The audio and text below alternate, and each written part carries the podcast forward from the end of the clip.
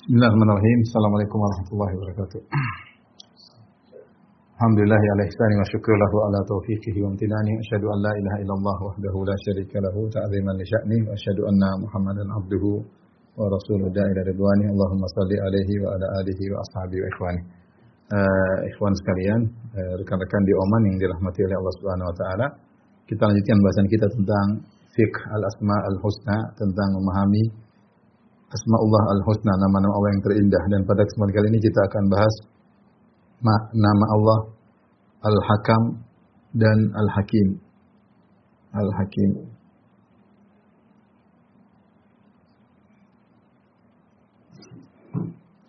Uh, Al-Hakam dan Al-Hakim uh, semuanya kembali kepada kalimat uh, al-hukum atau al-hikmah ya. Al-hukum atau al-hikmah. Kebanyakan al-hakim ya diartikan dengan maha maha bijak ya, maha hikmah atau bijak. Adapun al-hakam maka maknanya adalah maha pemutus maha uh, pemutus hukum. Dua nama ini adalah menunjukkan keagungan Allah Subhanahu wa taala. Sebagian ulama menambah dengan Al-Hakim ya. Ada tambahan dengan Al-Hakim. Al-Hakim tidak datang dalam Al-Quran maupun Sunnah secara mufrad, tetapi datang dalam Al-Quran dengan lafal bahwa khairul hakimin.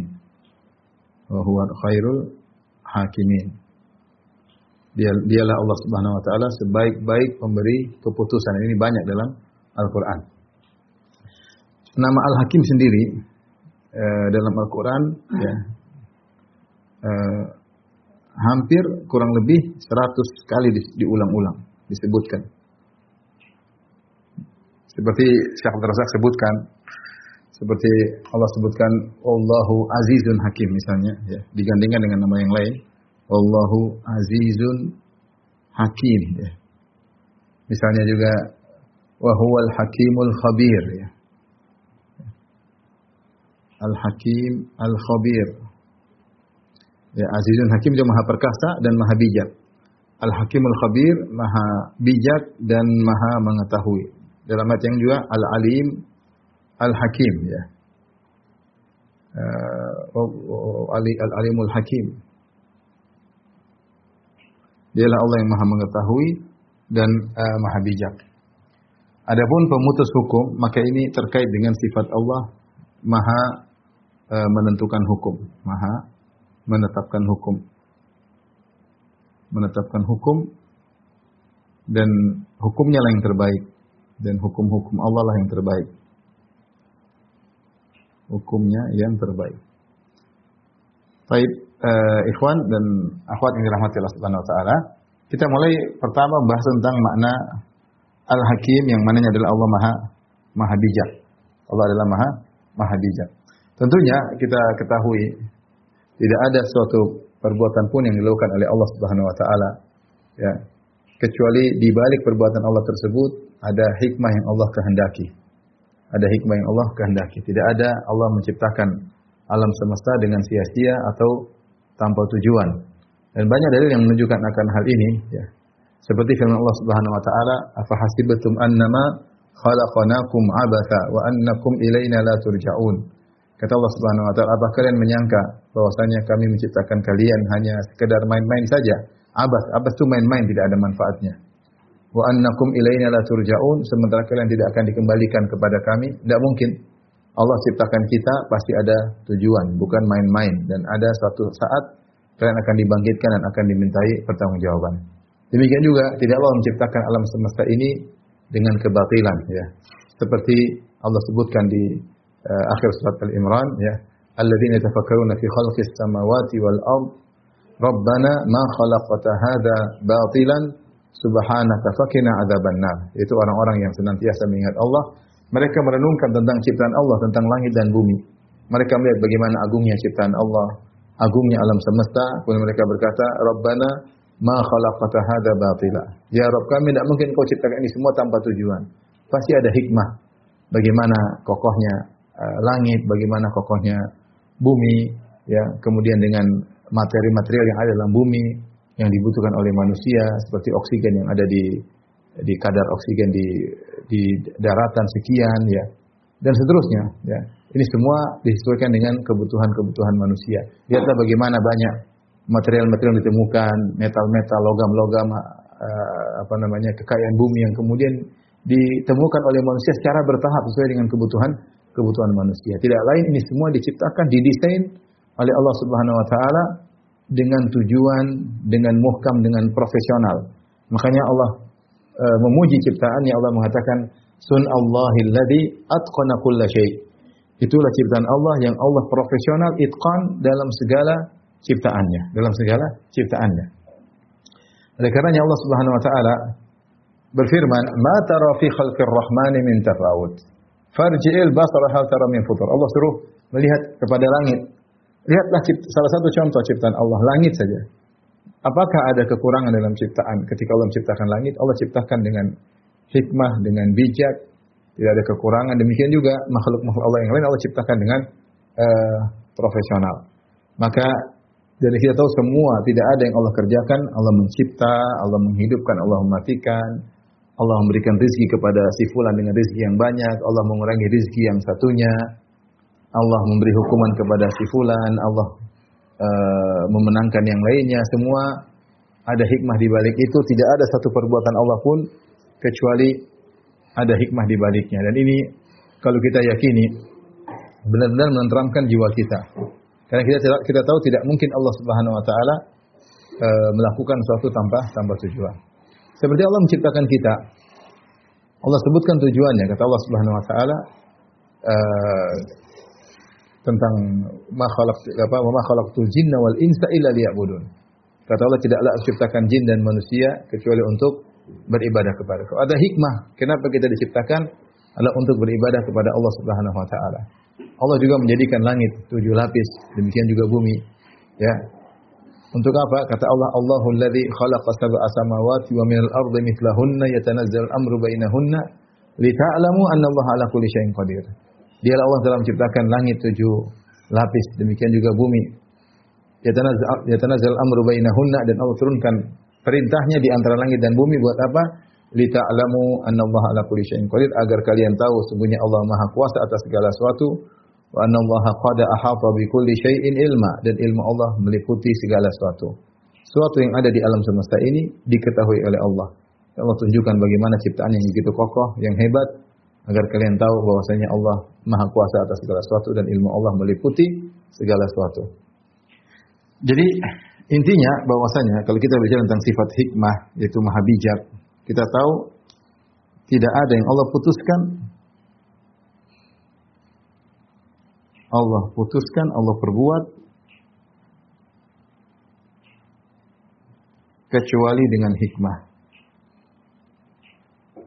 Itu ada tujuan yang mulia. Hikmah tujuan yang mulia.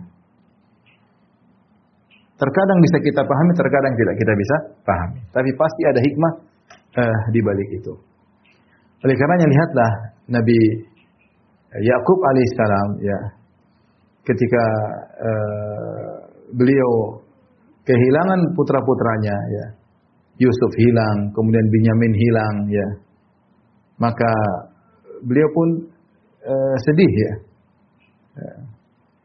Kata beliau, qala bal sawalat lakum amsukum amsukum amra fa sabrun jamil asallahu ayyatiyani bihim jami'a innahu huwal alimul hakim. Kata dia setelah Yusuf tidak diketahui bagaimana kabarnya, kemudian putranya yang berikutnya Binyamin juga tidak diketahui kabarnya. Maka dia berkata, demikian juga anaknya yang paling tua tidak mau balik ke Palestina karena bertahan di Mesir malu sama ayahnya. Maka dia mengatakan, asallahu ayyatiyani bihim jami'an. Semoga Allah mendatangkan mereka semua kepadaku. Innahu huwal alimul hakim. Sungguhnya Allah itu maha mengetahui dan maha bijak atas apa yang dia lakukan. Sehingga tetap dia husnudan kepada Allah ketika musibah menimpanya. Kita mau tentram hati, kita yakin Allah pasti maha, maha bijak. Dan apa yang Allah putuskan, pasti di balik itu ada hikmah yang agung. Terkadang kita sadari, terkadang tidak kita uh, sadari. Dan dalam kehidupan ini, betapa sering kita uh, mengalami hal-hal yang tidak kita sukai, musibah dan demi musibah dan musibah berikutnya.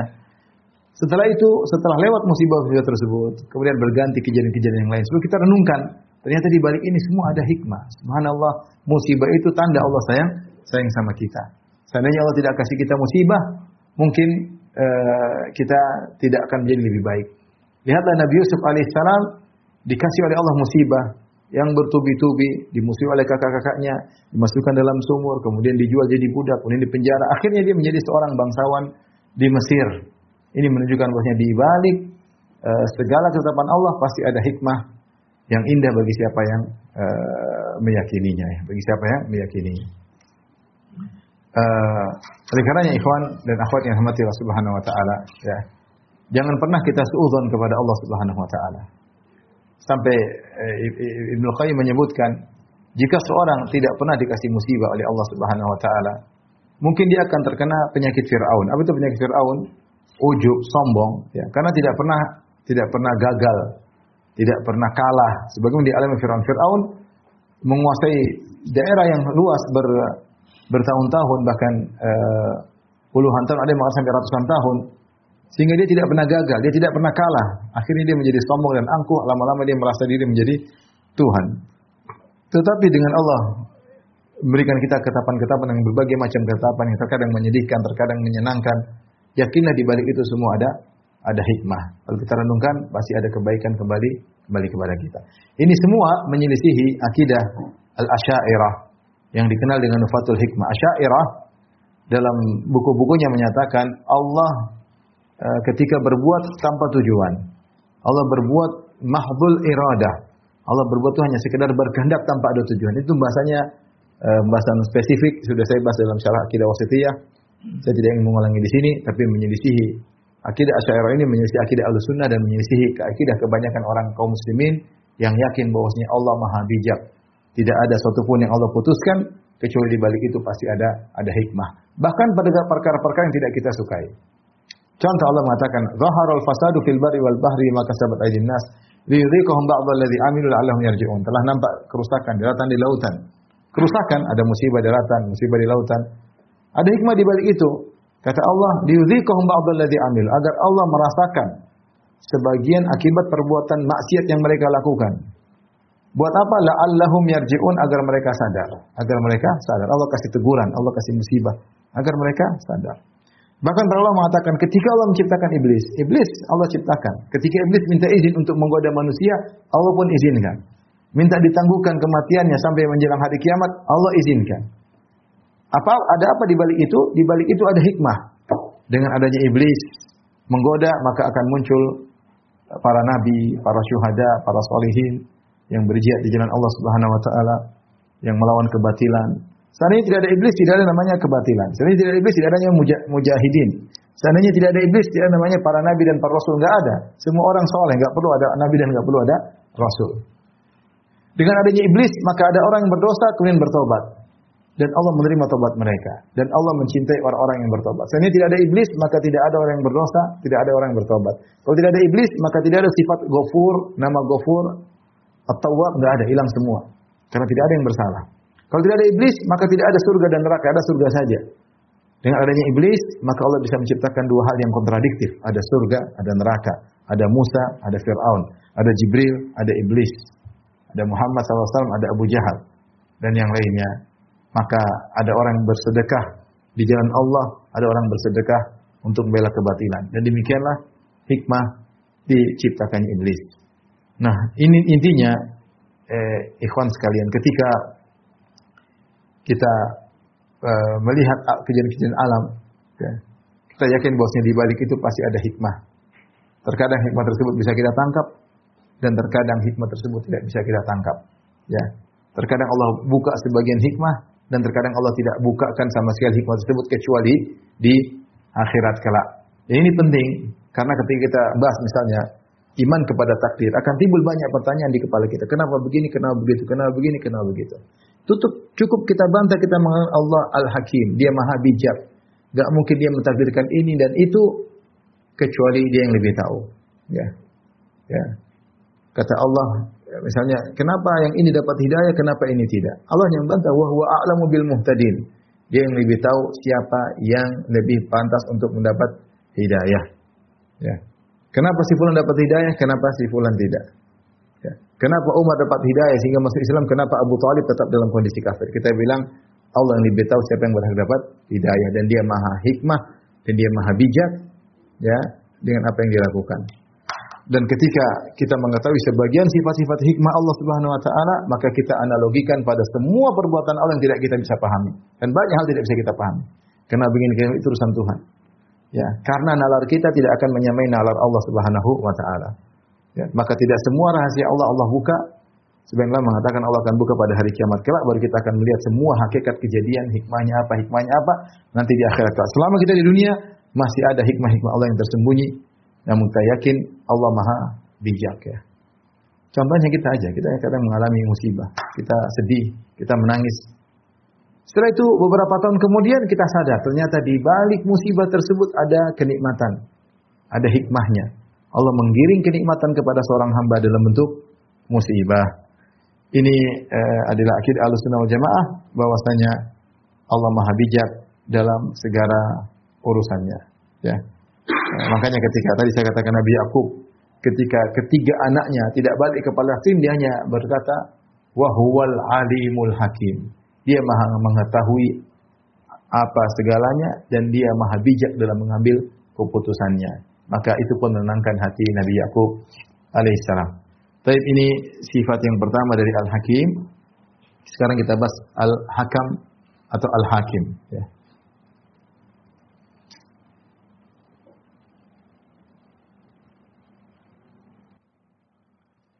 Al-Hakam datang juga dalam hadis, jadi dalam Al-Qur'an ya, dalam hadis ya. Uh, Al-Hakam datang dalam hadis ya. Saya bacakan hadisnya di sini oleh Syekh Abdul Razak, hafizahullah taala. Uh, fa hadis an Hani bin Yazid Al-Harithi annahu lama wafada ila Rasulullah sallallahu alaihi wasallam aqawmi sami'ahum yukannunahu bi Abil Hakam. Dari sahabat namanya Hanif bin Yazid Al-Harithi, ketika beliau mendatangi Nabi SAW bersama kaumnya, Nabi mendengar kaumnya mem memanggil dia dengan kunyah Abul Hakam. Abul Hakam, ya. Jadi berkunyah Abul Hakam. Fada'ahu Rasulullah SAW panggil dia, panggil Hani ini. Kata Rasulullah SAW, Inna Allah Ta'ala huwal hakam, wa ilaihi lukmu. Sungguhnya Allah adalah al-hakam. Dan seluruh hukum akan kembali kepadanya. Falima tukanna Abul Hakam. Kenapa kau kunyahnya Abul Hakam? Faqala maka Hani berkata, "Inna qaumi idza ikhtalafu fi syai'in atauni." Sungguhnya kaumku kalau ada permasalahan, mereka datang kepadaku. Fahakamtu bainahum faradhiya kilal fariqaini. Kalau saya sudah kasih putusan hukum kepada mereka, maka mereka pasti ridho dengan seluruh keputusanku. Kalau ada yang bermasalah mereka datang, saya kasih hukum mereka ridho. Luar biasa sahabat ini. Tidak ada yang bermasalah kecuali kalau dia kasih keputusan semuanya ridho. Faqala Rasulullah SAW, ma, ma ahsana hada. Fama laka minal walad. Sungguh indah ini. Ya, Allah berikan kau kelebihan. Siapa saja anakmu? Maka dia berkata, Li Shuraih wa Muslim wa Abdullah. Saya punya anak laki-laki tiga. Pertama namanya Shuraih, yang kedua namanya Muslim, yang ketiga namanya Abdullah. Rasulullah bertanya, Faman akbaruhum, siapa yang paling tua di antara anak-anakmu tersebut? Kultu Shuraih. Kata Hani, yang paling tua namanya Shuraih. Kata Nabi, Fa'anta Abu Shuraih. Maka engkau adalah Abu Shuraih. Itu Rasulullah SAW memberi kunyah kepada dia dengan nama anak yang paling besar, Abu Shuraih. Dan Rasulullah SAW merubah kunyahnya dari Abu Hakam uh, kepada uh, Abu Shuraih. Kenapa? Karena, karena Abu Hakam mengesankan dia selalu benar dalam keputusannya, oleh namanya manusia pasti kurang keputusannya. Maka yang berhak disebut Al-Hakam hanyalah Allah Subhanahu wa taala. Uh, adapun Ketika kita mengatakan Allah Al-Hakam atau tadi dalam dalam banyak dalam banyak ayat khairul hakimin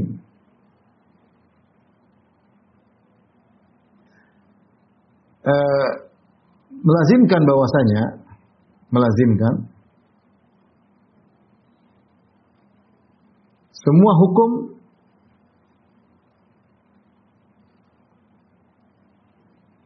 harus kembali kepada Allah.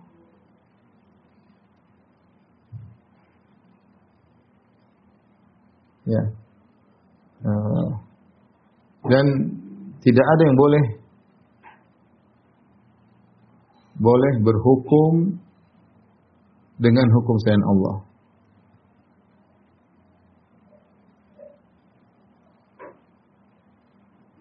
Baik. Uh, hukum yang harus kembali kepada Allah. Hukum Allah ada dua. Ada disebut al-hukmul kauni.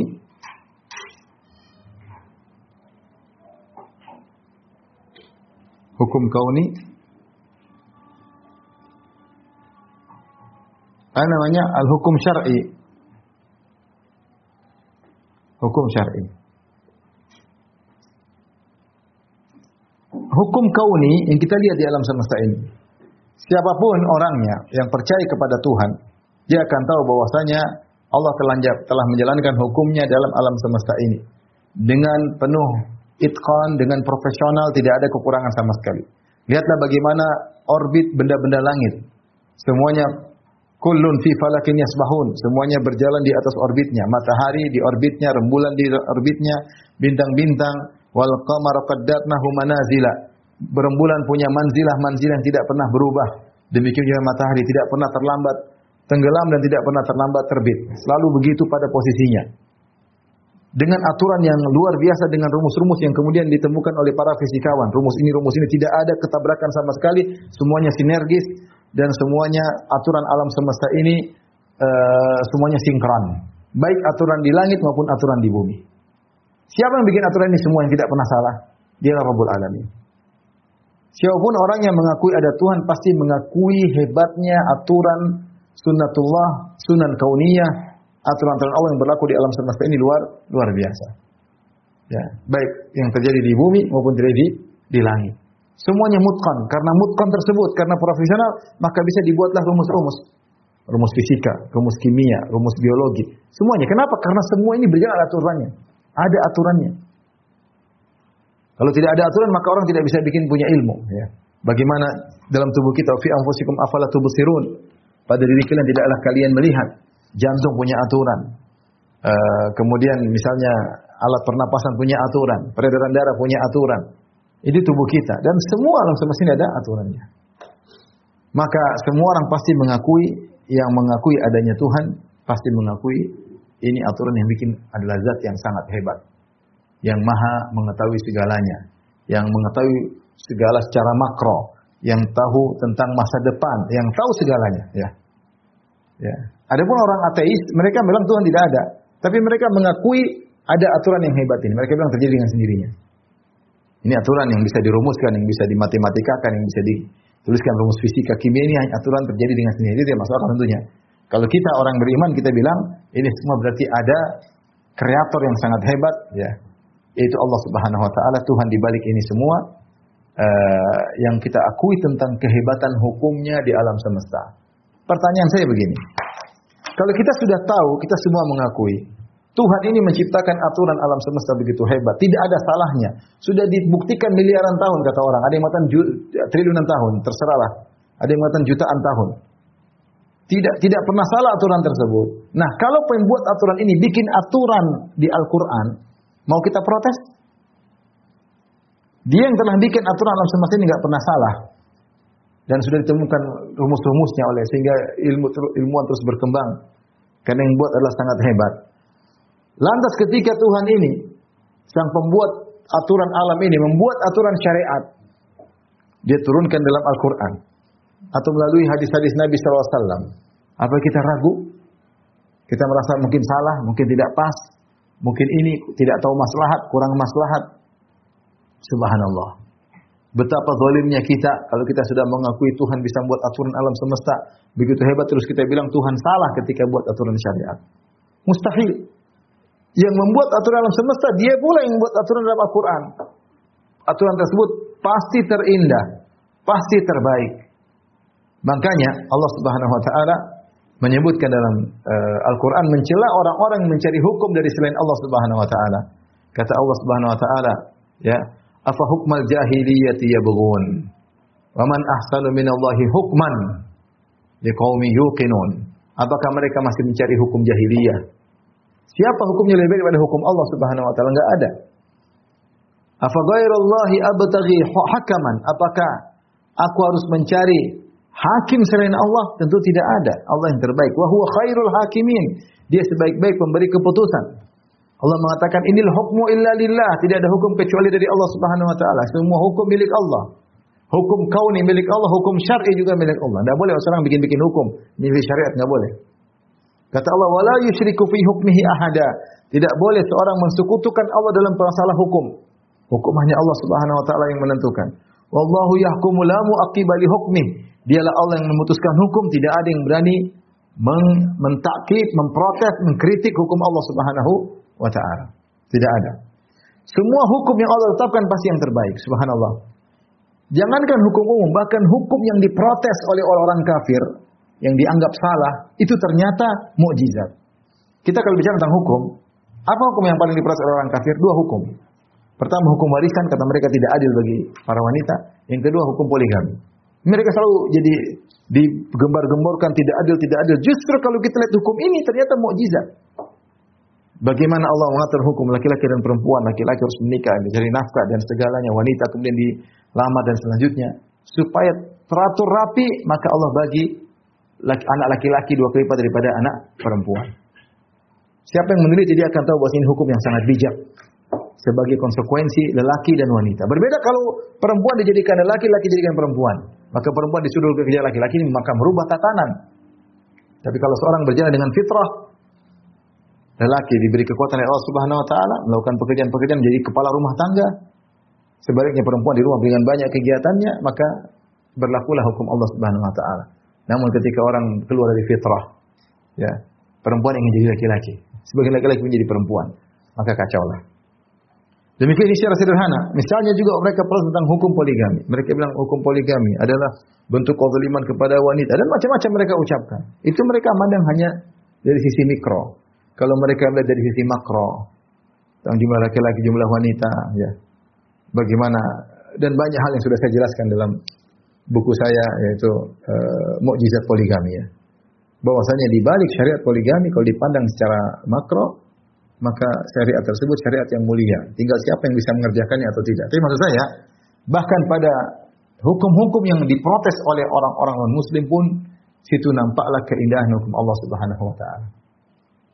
Contoh sederhana, Allah Subhanahu wa taala berfirman tentang hukum kisas yang di yang di e, dimusuhi oleh banyak orang. Mereka tidak setuju dengan hukum kisas. Allah Subhanahu wa taala berfirman, ya. Walakum fil qisasi hayatun ya ulil albab. Pada praktek kisah ada kehidupan wahai orang-orang yang cerdas. Allah jelaskan hukum kisah ini justru menjaga kehidupan. Kalau siapa yang membunuh bakalan dibunuh, maka tidak sembarang orang akan membunuh. Tetapi ketika hukum kisah ini tidak dijalankan, apa yang terjadi? Nyawa tidak ada nilainya. Seorang membunuh orang lain karena dia tahu dia tidak akan dibunuh. Dia tahu dia hanya di penjara. Kalau di penjara pun dia bisa keluar dari penjara kalau dia punya uang banyak. Sehingga orang seenak yang bunuh sana, bunuh sini, bunuh sana, bunuh sini, karena dia merasa tidak dibunuh. Tapi kalau hukum kisah dikerjakan, betapapun dia kaya, betapun dia pejabat, betapun dia anak raja, kalau dia kamu bunuh, kamu akan dibunuh, dia tidak akan berani membunuh. Maka Allah mengatakan, Walakum fil qisasi hayatun ya ulil albab. Pada praktek kisah ada penjagaan terhadap kehidupan wahai orang-orang yang cerdas. Namun siapa yang mau cerdas menerima hukum ini? Ya. Lihatlah betapa banyak nyawa tidak ada nilainya di dunia ini, tidak ada nilainya. Kenapa? Karena sang pembunuh tahu dia tidak bakalan dibunuh. Dia tahu dia hanya dihukum atau dia bisa bayar, bisa ini sehingga dia selamat, sehingga dia nekat untuk membunuh dengan semena-mena ya. Oleh karenanya ikhwan, kita harus tahu bahwasanya hukum yang paling indah hukum Allah Subhanahu wa taala. Sebagaimana dia bisa profesional dalam menjalankan hukum alam semesta, maka Allah itu profesional dalam menurunkan syariat yang cocok bagi manusia. Cocok bagi manusia sepanjang hayat mereka, sepanjang zaman sampai hari kiamat. Ya, itulah syariat Islam. Syariat Islam. Uh, saya akan sampaikan tentang perkataan indah dari uh, Syekh Muhammad Alamin Shinqiti rahimahullah taala. Dia dia kasih logika begini. Kamu kalau ingin bikin hukum, nyanyi hukum Allah, kamu lihat siapa pembuat hukum Allah. Hukum Allah yang bikin siapa? Allah. Allah dengan segala kesempurnaannya. Maha kudrah, maha berilmu, maha mengetahui, maha masa depan. Dia yang bikin aturan. Nah kamu sekarang tahu apa? Ilmumu cuek, cetek, nggak tahu apa-apa. Apa yang terjadi di depan kamu nggak tahu. Tidak ada punya kudrah, tidak punya kemampuan. Diomel istri aja menciut, ya siapa apa terus mau bikin hukum. Mau bikin hukum yang mengatur manusia. Ini Allah yang maha mengetahui segalanya, yang menciptakan manusia, yang menciptakan bumi, yang menciptakan langit. Dia lebih tahu mana hukum yang pas, yang bisa sinkron dengan manusia, alam semesta dan semuanya. Karena semua ini ciptaan dia. Kamu kalau mau mau menyaingi hukum Allah, harusnya kamu seperti Allah. Dari sisi kapasitas keilmuan, kemampuan dan yang lainnya. Baru kamu bikin hukum, nyaingi hukum Allah. Maka orang yang yang sadar bahwasanya dirinya punya penuh kekurangan, dia malu mau bikin hukum nyaingi hukum Allah. Dia ini siapa? Mau nyaingi hukum Tuhan. Ini Tuhan yang ciptakan dia, dia mau saingi hukumnya. Ini bikin hukum bangga-bangga pamer hukum saya. Hukum kamu tuh menyelisih hukum Tuhan. Lihatlah, lihat banyak orang bikin hukum, diprotes oleh ini, revisilah, revisilah, revisilah, menguntungkan sebagian, merugikan sebagian, dan seterusnya. Bikin hukum untuk kepentingan pribadi, untuk kepentingan sekelompok, merugikan kelompok yang lain, nanti direvisi lagi, timbul lagi kekuasaan yang lain, dan seperti itu tidak pernah berhenti. Nah Allah sudah bikin hukum yang baku, yang Allah turunkan dari Sang Maha Esa, Maha segalanya, tinggal jalankan tidak mau. Aneh manusia. Kalau tidak sama dia, yang bikin aturan alam semesta siapa? Matahari pada orbitnya, rembulan pada orbitnya. Kata dia Allah. Bukankah yang ciptakan hebat? Iya. Nah ini yang bikin ini, dia sekarang bikin hukum. Terima enggak? Oh enggak. Dia merasa tidak sempurna. Dia merasa masih kurang. Dia mau menyempurnakan hukum Allah. Siapa kamu ingin menyempurnakan hukum Allah Subhanahu wa taala? Maka siapa yang mengetahui tentang hakikat dirinya, maka dia tidak akan berani untuk menyayangi hukum Allah Subhanahu wa taala. Baik. Uh, saya bacakan perkataan Syekh Muhammad Al-Syingkiti tentang hal ini tentang bahwasanya orang kalau mau bikin hukum mikir-mikir. Kata beliau, "I'lam anna Allah bayyana fi ayatin katsiratin sifati man yastahiqu an yakuna al-hukmu lahu." Ketahuilah bahwasanya Allah dalam banyak ayat dalam Al-Qur'an menjelaskan siapa sih yang berhak untuk mengeluarkan hukum, yaitu Allah sendiri. Dia sebutkan sifatnya begini, begini, begini, begini. Fa'ala kulli akilin an yata'ammala sifatil madhkura lati sanwadhihaha al-an insyaallah wa yuqabiluha ma sifatil bashar al-musyarri'in bil qawanil wad'iyah. Maka seorang yang berakal coba dia bandingkan. Ini sifat-sifat Tuhan sang pembuat hukum yaitu sifat Allah pembuat hukum dia bandingkan dengan sifat-sifat manusia yang bikin aturan-aturan di dunia ini yang menyelisih hukum-hukum Allah Subhanahu wa taala dia bandingkan sifat-sifatnya Apakah pantas dia sandingkan hukum manusia yang penuh kekurangan? Kita sadar kita punya kekurangan.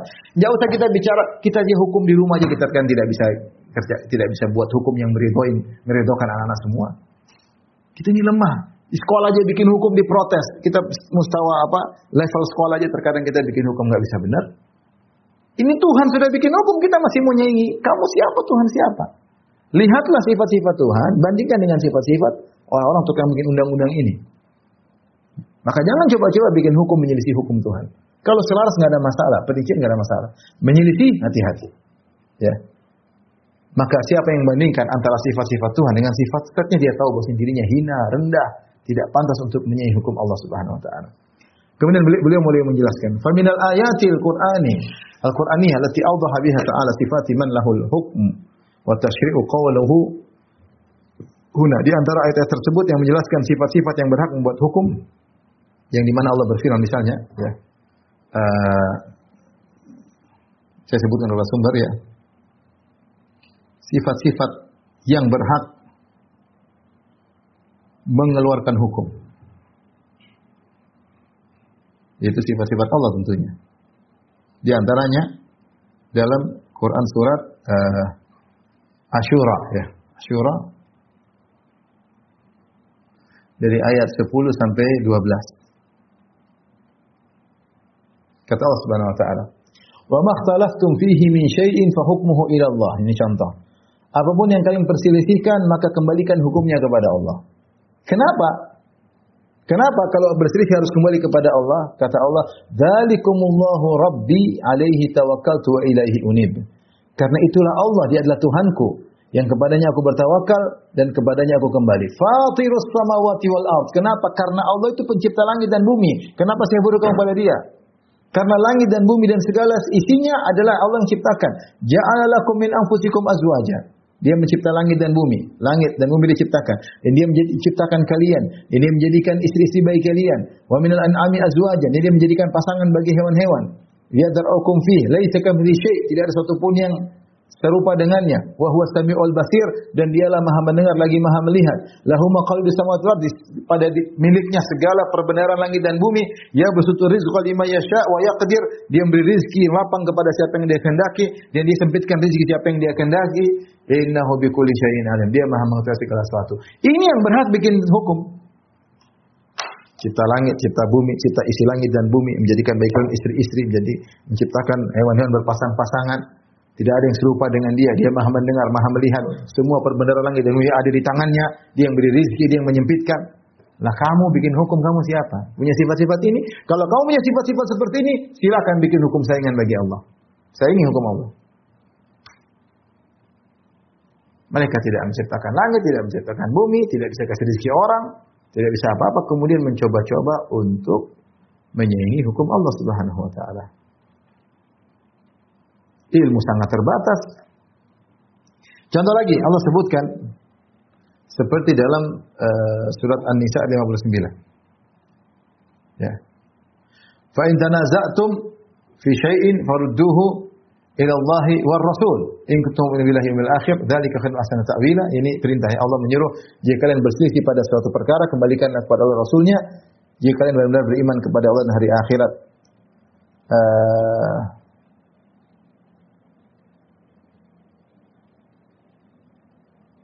Contoh lagi Allah sebutkan surat Al-Kahfi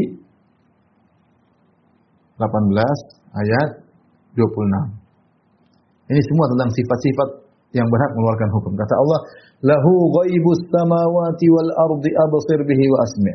Ma min dunihi waliyyi wa la fi hukmihi ahada." Kata Allah tidak boleh bagi mereka siapa pun yang menyaingi hukum Allah. Mereka tidak boleh yusyriku fi hukmi ahada mensekutukan Allah dalam hukum. Kenapa? Karena lahu ghaibus samawati wal ard. Segala hal yang gaib di langit dan di bumi hanya Allah yang tahu. Yang tahu segala yang gaib di langit dan di bumi itulah yang berhak bikin hukum. Karena dia tahu apa ya, cara makro secara keseluruhan. Kita bikin hukum kita nggak tahu terjadi nanti, kita nggak tahu ini apa yang akan menimpa masyarakat, kita nggak tahu. Terus kita mau coba-coba bikin hukum, sementara pengetahuan terbatas. Tempat jauh aja kita nggak tahu, apalagi masa depan.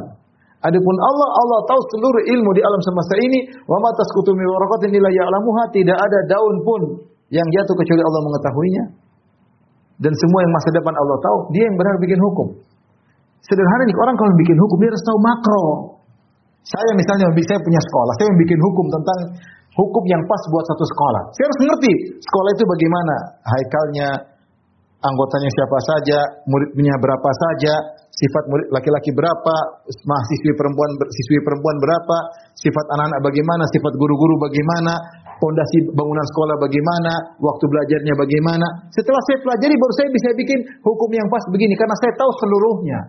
Itu pun terkadang saya salah. Tapi konsekuensi kalau saya bikin hukum yang tepat, saya harus tahu segala yang terkait tentang sekolah ini. Baru saya bikin hukum. Nah kita bikin hukum tentang manusia, pengetahuan kita terbatas. Kalau Allah Allah tahu semua di alam semesta ini, keterkaitan manusia dengan alam, alam dengan manusia, Allah tahu isi bumi apa, Allah tahu isi langit apa, Allah tahu masa depan apa, maka dia yang bikin hukum. Nah, kalau kita bikin hukum bagaimana?